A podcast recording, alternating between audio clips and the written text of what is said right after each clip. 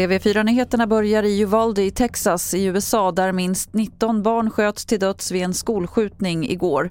Barnen ska gått i tredje och fjärde klass och var i skolan när en 18-årig man som pekas ut som gärningsman kom dit och började skjuta. Minst tre vuxna ska också ha dödats. Det är oklart om gärningsmannen, som också är omkommen, är en av dem. Och dådet i Uvalde fördöms förstås från flera håll, inte minst av president Joe Biden. I ett tal i natt tog han bland annat upp de amerikanska vapenlagarna. The idea that an 18 year old kid can walk into a gun store and buy two assault weapons is just wrong. What in God's name do you need an assault weapon for except to kill someone? Joe Biden har också beordrat att alla flaggor ska vaja på halvstång över hela landet. Här i Sverige utreder polisen ett grovt brott efter att en man i 25-årsåldern hittats skadad utomhus i Karlstad.